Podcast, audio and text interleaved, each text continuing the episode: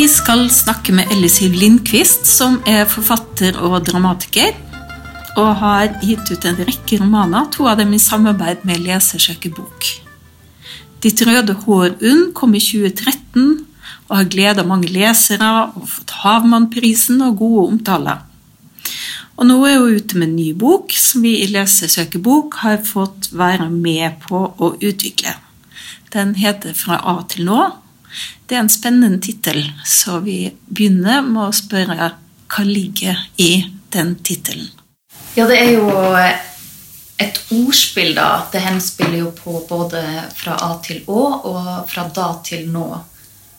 Og um, den lekenheten som ligger i den tittelen, liker jeg jo veldig godt, og det gjenspeiler jo kanskje også litt av, av innholdet og, og formen, eh, strukturen, i romanen. Den handler altså om Eva som kommer til storbyen eh, for å studere, og må også jobbe for å holde seg flytende. Eh, og hun møter altså en gutt som hun blir veldig forelska i. Og der har vi A. Ja. Alexander.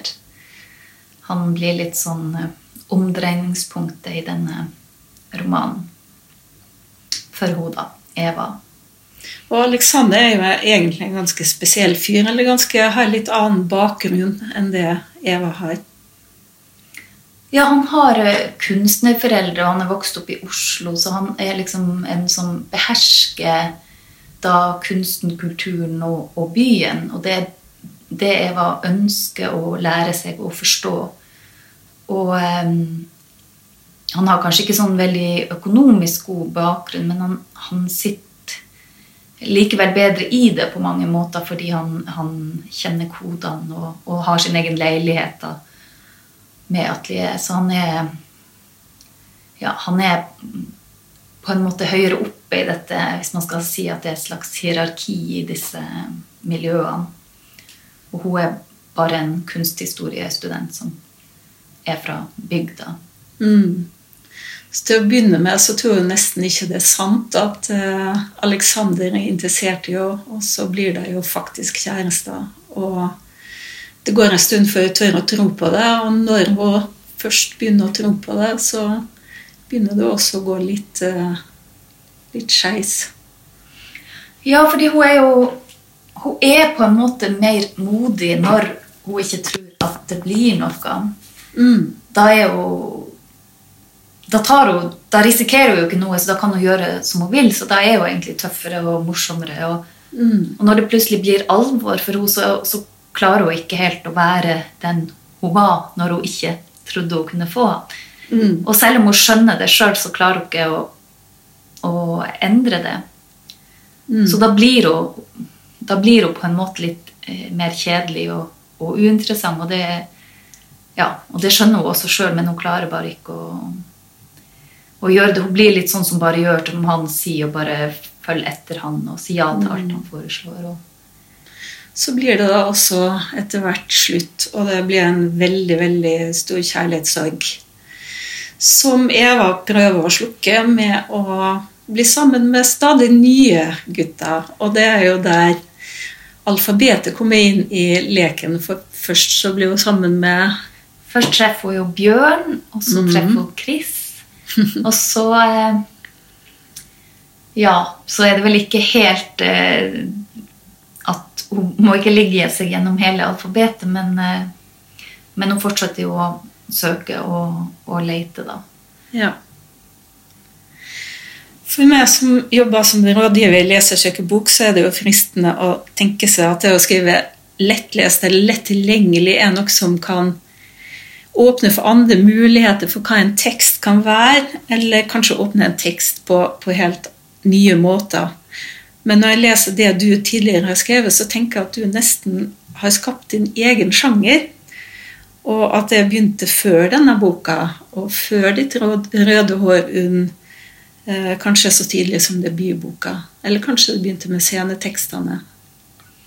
Ja, det er jo noe av det som er gøy med å skrive, er jo både å, å, å finne på ting, men også å leke med språk og leke med formen. og lage noen regler og så bryte dem. Og på en måte så syns jeg også at den eh, sjangeren eller, eller dette med å skrive enkelttekst kan gi noen uh, muligheter, selv om det på en måte gir noen begrensninger. Da. Og det å holde på å si, knekke den koden eller finne ut av det. At det ikke nødvendigvis blir en sånn noe man bare gjør på siden av sitt øvrige forfatterskap, men at dette er en like viktig og bok som jeg står like mye innafor som de andre. Og da bruke det mulighetene som det, det, gir med å ha mye luft på siden og mm. kortere setninger, og at du da kan leke med oppsettet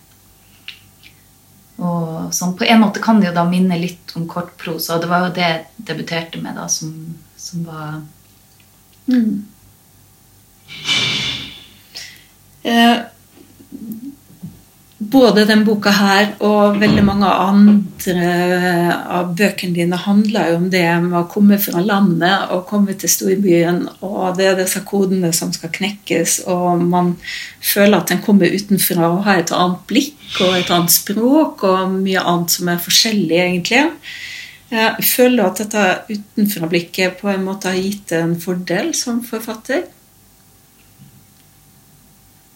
Uh, ja Eh, både og, kanskje, fordi på mange måter så har jeg jo vært misunnelig på de som har vært innafor, fordi de allerede behersker noe jeg ikke behersker. Men det er klart, etter hvert så kan jeg jo se at eh, et blikk utenfra, den andre, en annen optikk, også gir et annet blikk, og at man kan utfordre noe av det som eh, som er innafor, da.